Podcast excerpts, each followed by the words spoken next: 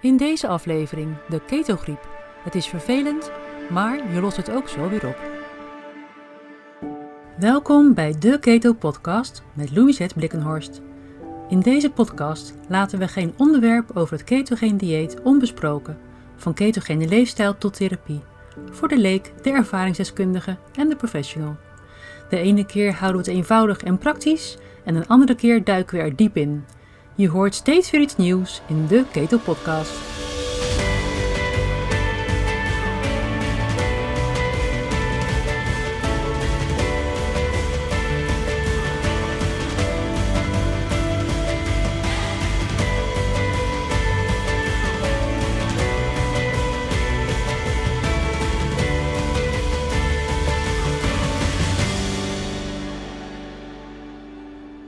Vorige afleveringen is het woord ketogriep al een paar keer genoemd. Het klinkt niet zo fijn, en dat is het ook niet, maar je hoeft er niet bang voor te zijn. En vandaag gaan we eens kijken naar wat dit verschijnsel is, wat de oorzaak is, hoe je het herkent en het belangrijkste natuurlijk, hoe je er vanaf komt. Maar eerst heb ik nog een andere mededeling. Namelijk, ik neem deze podcast op in mijn werkkamer met een eh, basic microfoon, een, eh, een snowball voor degene die dat interessant vindt om te weten. Uh, en misschien weet je ook waar ik woon. Ik, uh, ik woon namelijk in het uh, centrum van Rotterdam en het is hier zelden echt stil. Om de haverklap zijn er sirenes te horen, omdat ik vlak bij de aanrijroute woon naar de grote ziekenhuizen. Er zit ook een brandweerkazerne in de buurt en hier vlak in de buurt is een, kruispunt waarbij de auto's nogal hard optrekken met brullende uitlaten. Ik woon dan wel in een stukje groen Rotterdam, wat ervoor zorgt dat hier heel veel vogels zitten. Hartstikke leuk, maar vooral van die grote kraaien die het nodig vinden om luidruchtig te worden zodra ik ga opnemen.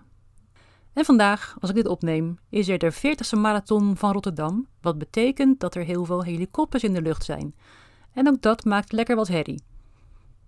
Hoewel ik alle ramen potdicht heb gedaan, is het mogelijk dat je wat van die geluiden op de achtergrond hoort. Ik zal bij het masteren van deze opnames wat van die achtergrondgeluiden proberen weg te poetsen, maar het kan zijn dat je er nog wat van hoort. Nou, dan moet je maar voor je zien hoe ik in mijn werkkamer, een oase van rust, deze podcast aan het opnemen ben, terwijl zich buiten het drukke stadsleven van Rotterdam afspeelt. Ik blijf er heel relaxed onder en ik hoop jij ook. Terug naar het onderwerp van vandaag, de ketogriep. Het niveau gaat van basic en praktisch naar professioneel en weer terug. Dus vertel ik iets wat je even niet kunt volgen, blijf dan gewoon luisteren, het wordt vanzelf weer duidelijk. In de afgelopen tijd, en nu nog, en zeker in de komende maanden ook nog, hebben we te maken met het coronavirus waar je flink ziek van kunt worden. En het griepseizoen staat weer voor de deur, dus veel mensen gaan ziek worden en hebben dan ziekteverschijnselen die horen bij uh, infectie met een virus zoals corona, influenza of een verkoudheidsvirus. Dat kan een uh, milde vorm hebben of juist een hele heftige vorm, maar in het beginstadium horen er bepaalde symptomen bij Symptomen die eigenlijk vrij algemeen zijn voor het begin van een virusinfectie. En als ik zo wat mensen om me heen vraag om daarvan de kenmerken te noemen, dan noemen ze vaak eh, malaise, vermoeidheid, hoofdpijn, spierpijn of spierkramp, maar ook spierzwakte, dus je je heel slap voelen, buiten adem zijn of lichtgevoel in hun hoofd en duizeligheid. Allemaal dingen die iedereen herkent als een voorbode van ziek worden. Hoe zit het dan met de ketogriep? Is dat een ziekte? Is er een virus of een andere ziekteverwekker in het spel? Nou nee, dat is niet het geval. Ketogriep wordt niet veroorzaakt door een virus. Het wordt ketogriep genoemd omdat de dingen die je voelt lijken op die van een griep. En je kunt je er flink vervelend door voelen. Maar wat is het dan wel? Wanneer iemand ineens overstapt van een normaal westers voedingspatroon naar een koolhydraatarme voeding, dan verandert er iets in de stofwisseling en in de energiehuishouding van het lichaam. In de eerste instantie ontstaat er een energiegebrek. Was je lijf gewend de hele dag door lekker veel koolhydraten te krijgen om daar uh, glucose uit te halen, dan is het nu ineens gestopt. En het overschakelen naar het gebruik van vetten voor energie, dat duurt meestal wel een dag of twee, drie. En je verkeert tijdelijk in een energiecrisis. Dit kunnen hele pittige dagen zijn, waarbij je ook echt ellendig voelt. En vaak wordt gedacht dat je nu uh, dat je nauwelijks koolhydraten mag eten, dan maar honger moet lijden. Nou, dat is echt niet het geval. Je mag eten wanneer je daar behoefte aan hebt. En daarbij hoef je ook niet op calorieën te letten. Dat is sowieso niet belangrijk bij een ketogene leefstijl. Maar als je dan honger hebt en je ellendig voelt, eet dan iets wat rijk is aan gezonde vetten en eiwitten, maar wat weinig koolhydraten bevat.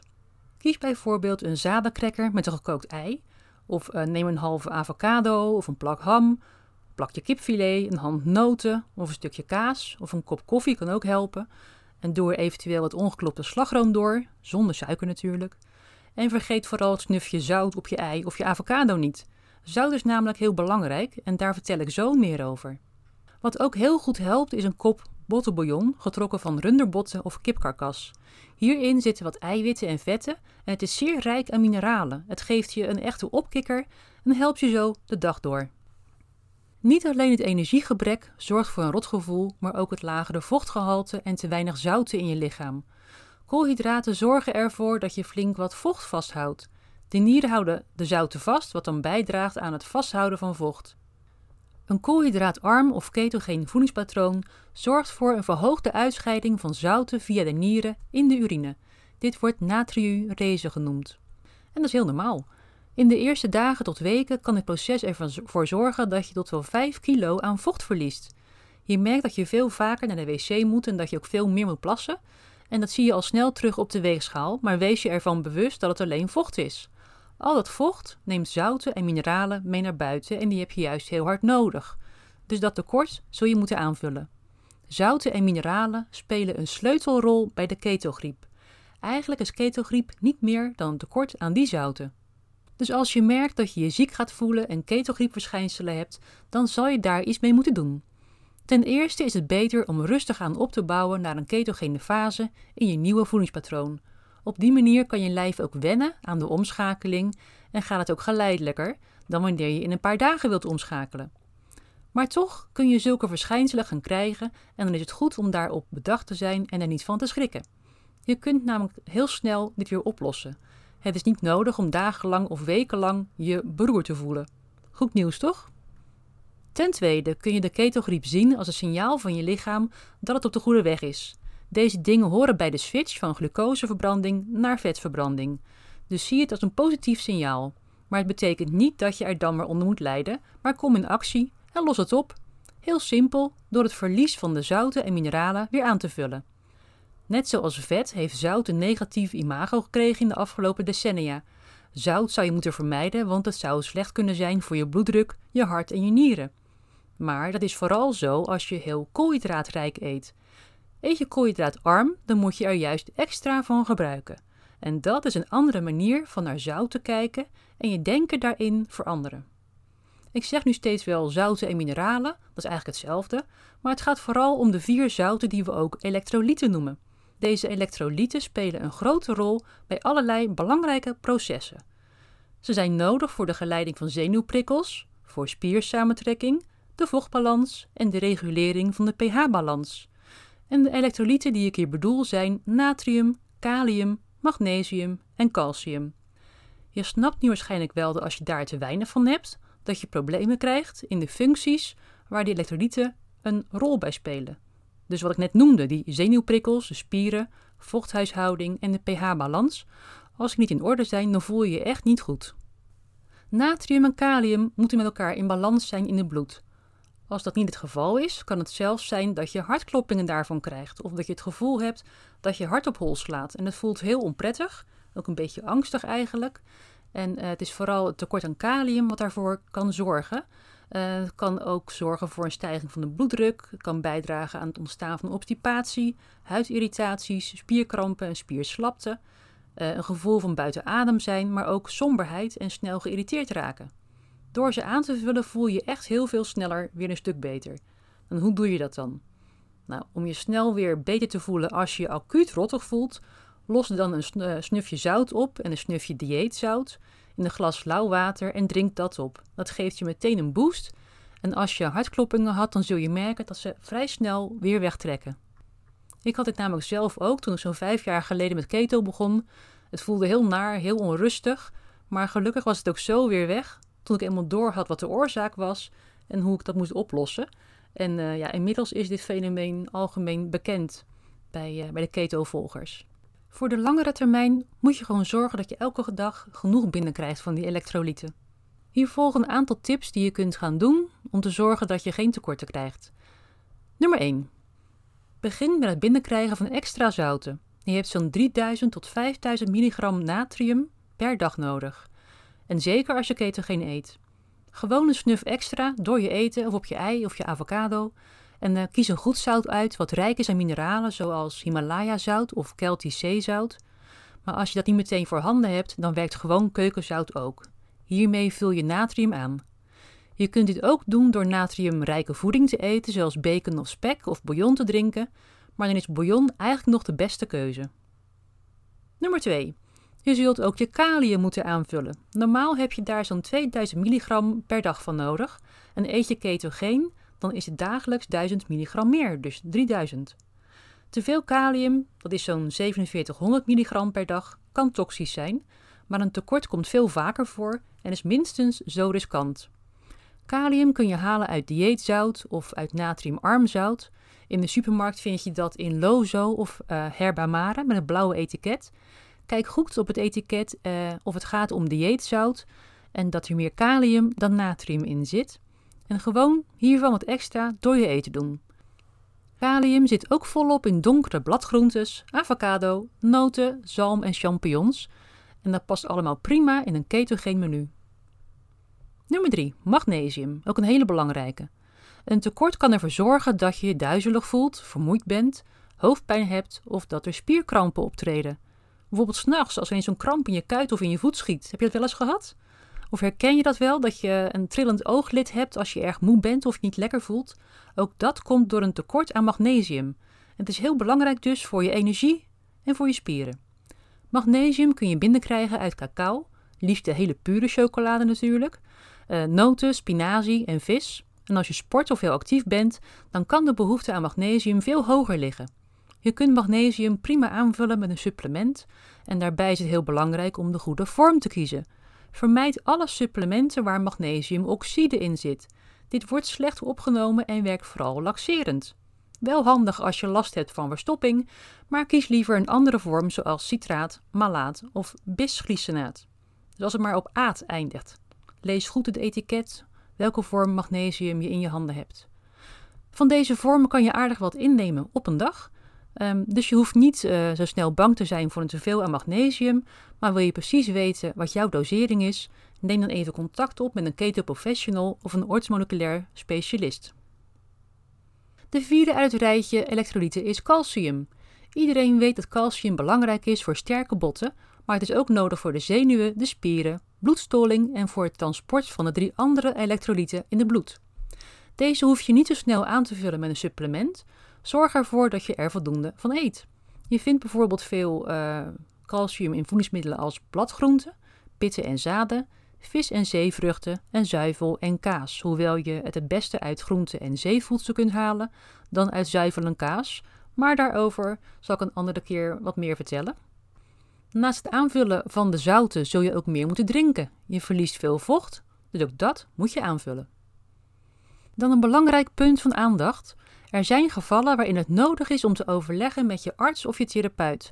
En dat is bij mensen die een chronische nierziekte hebben, chronisch verzwakt immuunsysteem, een hormonale disbalans door endocrine oorzaken, eetstoornissen, dus denk aan anorexia of bulimia, um, een hogere bloeddruk en uh, hart- en vaatziektes. Heb je daarmee te maken en eet je koolhydraatarm of ketogeen en gebruik je daar ook medicijnen voor, breng dan je arts op de hoogte van je nieuwe voedingspatroon en laat je vaker controleren.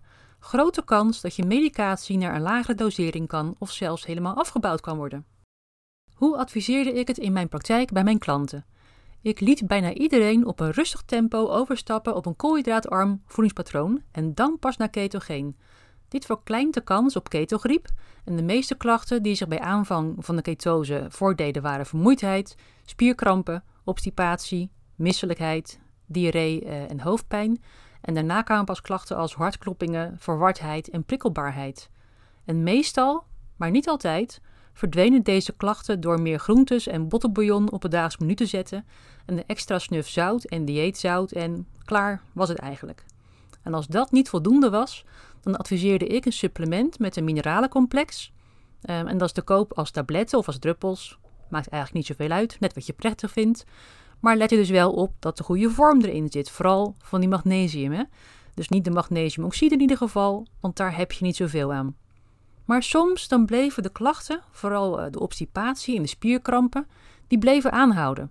En waarschijnlijk hebben deze klachten dan niet meer te maken met de elektrolyten. Ik begeef me hier even op specialistisch terrein en is zeker niet geschikt om zelf mee te gaan experimenteren. Maar ben je een gezondheidsprofessional en heb je die kennis wel, dan zou je kunnen denken aan een disbalans in de neurotransmitters en dan met name uh, serotonine, glutamaat en GABA. Een gespecialiseerde behandelaar kan dit goed uitvragen of meten.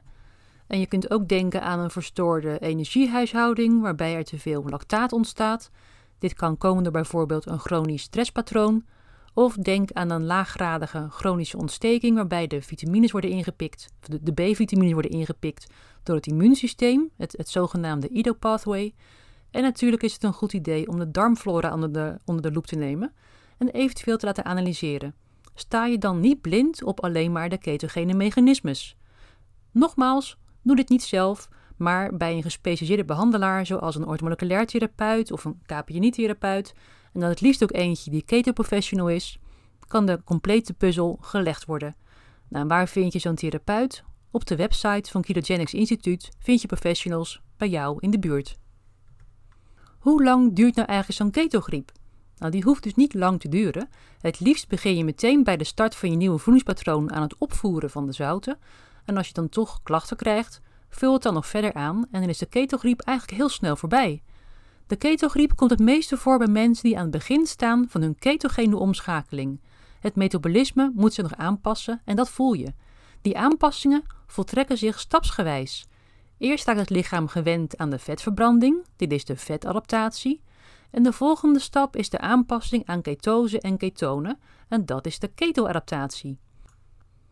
En iemand die al langere tijd in ketose is en keto-adapted is geraakt, zal hoogstwaarschijnlijk ook metabool flexibel zijn. Dan kan er sneller worden geschakeld tussen de vetverbranding en de glucoseverbranding. Maar ook iemand die al die aanpassingen al achter de rug heeft en al lekker metabool flexibel is, kan nog steeds klachten krijgen van ketogriep. Het blijft belangrijk dus om voldoende zouten binnen te krijgen en genoeg water te drinken. Ideaal hierbij is nog steeds de bottelbouillon. Een uh, kopje per dag zal de klachten grotendeels buiten de deur houden. En ook nog is het goed voor je darmen en je gewrichten. Dit was alweer de vijfde aflevering met als onderwerp de ketogriep. Ik hoop dat je er wat van opgestoken hebt en vooral dat ik de angst voor de verschijnselen van de ketogriep heb kunnen wegnemen. Ik hoor nog vaak dat mensen het best spannend vinden als deze dingen eh, in hun lijf te voelen zijn. Maar als je het kunt verklaren en begrijpt dat deze signalen een gevolg zijn van een veranderend metabolisme, dan hoef je je dus geen zorgen te maken en je weet nu ook wat je eraan moet doen. Tot slot nog één keer de disclaimer. Heb je te maken met de eerder in deze aflevering genoemde ziektebeelden, neem dan eerst contact op met je medisch behandelaar. En heeft je arts geen kennis van ketogene processen, schakel er dan een keto-professional bij in. Die samenwerking zal uiteindelijk zorgen voor de best mogelijke resultaten. Heb je nog vragen of opmerkingen over deze aflevering? Stuur me dan even een e-mail. Tot de volgende keer. Leuk dat je luisterde naar deze aflevering van de Keto Podcast. Ik hoop dat het je heeft geïnspireerd, vragen heeft beantwoord of juist vragen heeft opgeroepen. Heb je vragen of wil je reageren op deze podcast? Stuur dan een e-mail naar info@theketopodcast.nl. De Keto Podcast is ook te vinden op Facebook, Instagram en Twitter. Vind je deze podcast waardevol? Dan zou je me enorm helpen door een mooie review achter te laten en met 5 sterren te waarderen. En wil je geen aflevering meer missen? Abonneer dan. Deze podcast wordt mogelijk gemaakt door Ketogenics Institute. Ketogenics Institute verzorgt cursussen voor gezondheidsprofessionals over ketogene leefstijl en therapie. En voor een ieder die zelf met een ketogene leefstijl wil starten, is er het Keto Leefstijlprogramma. Meer informatie is te vinden op www.ketogenicsinstitute.com. Mijn naam is Louisette Blikkenhorst. Bedankt voor het luisteren en tot de volgende keer.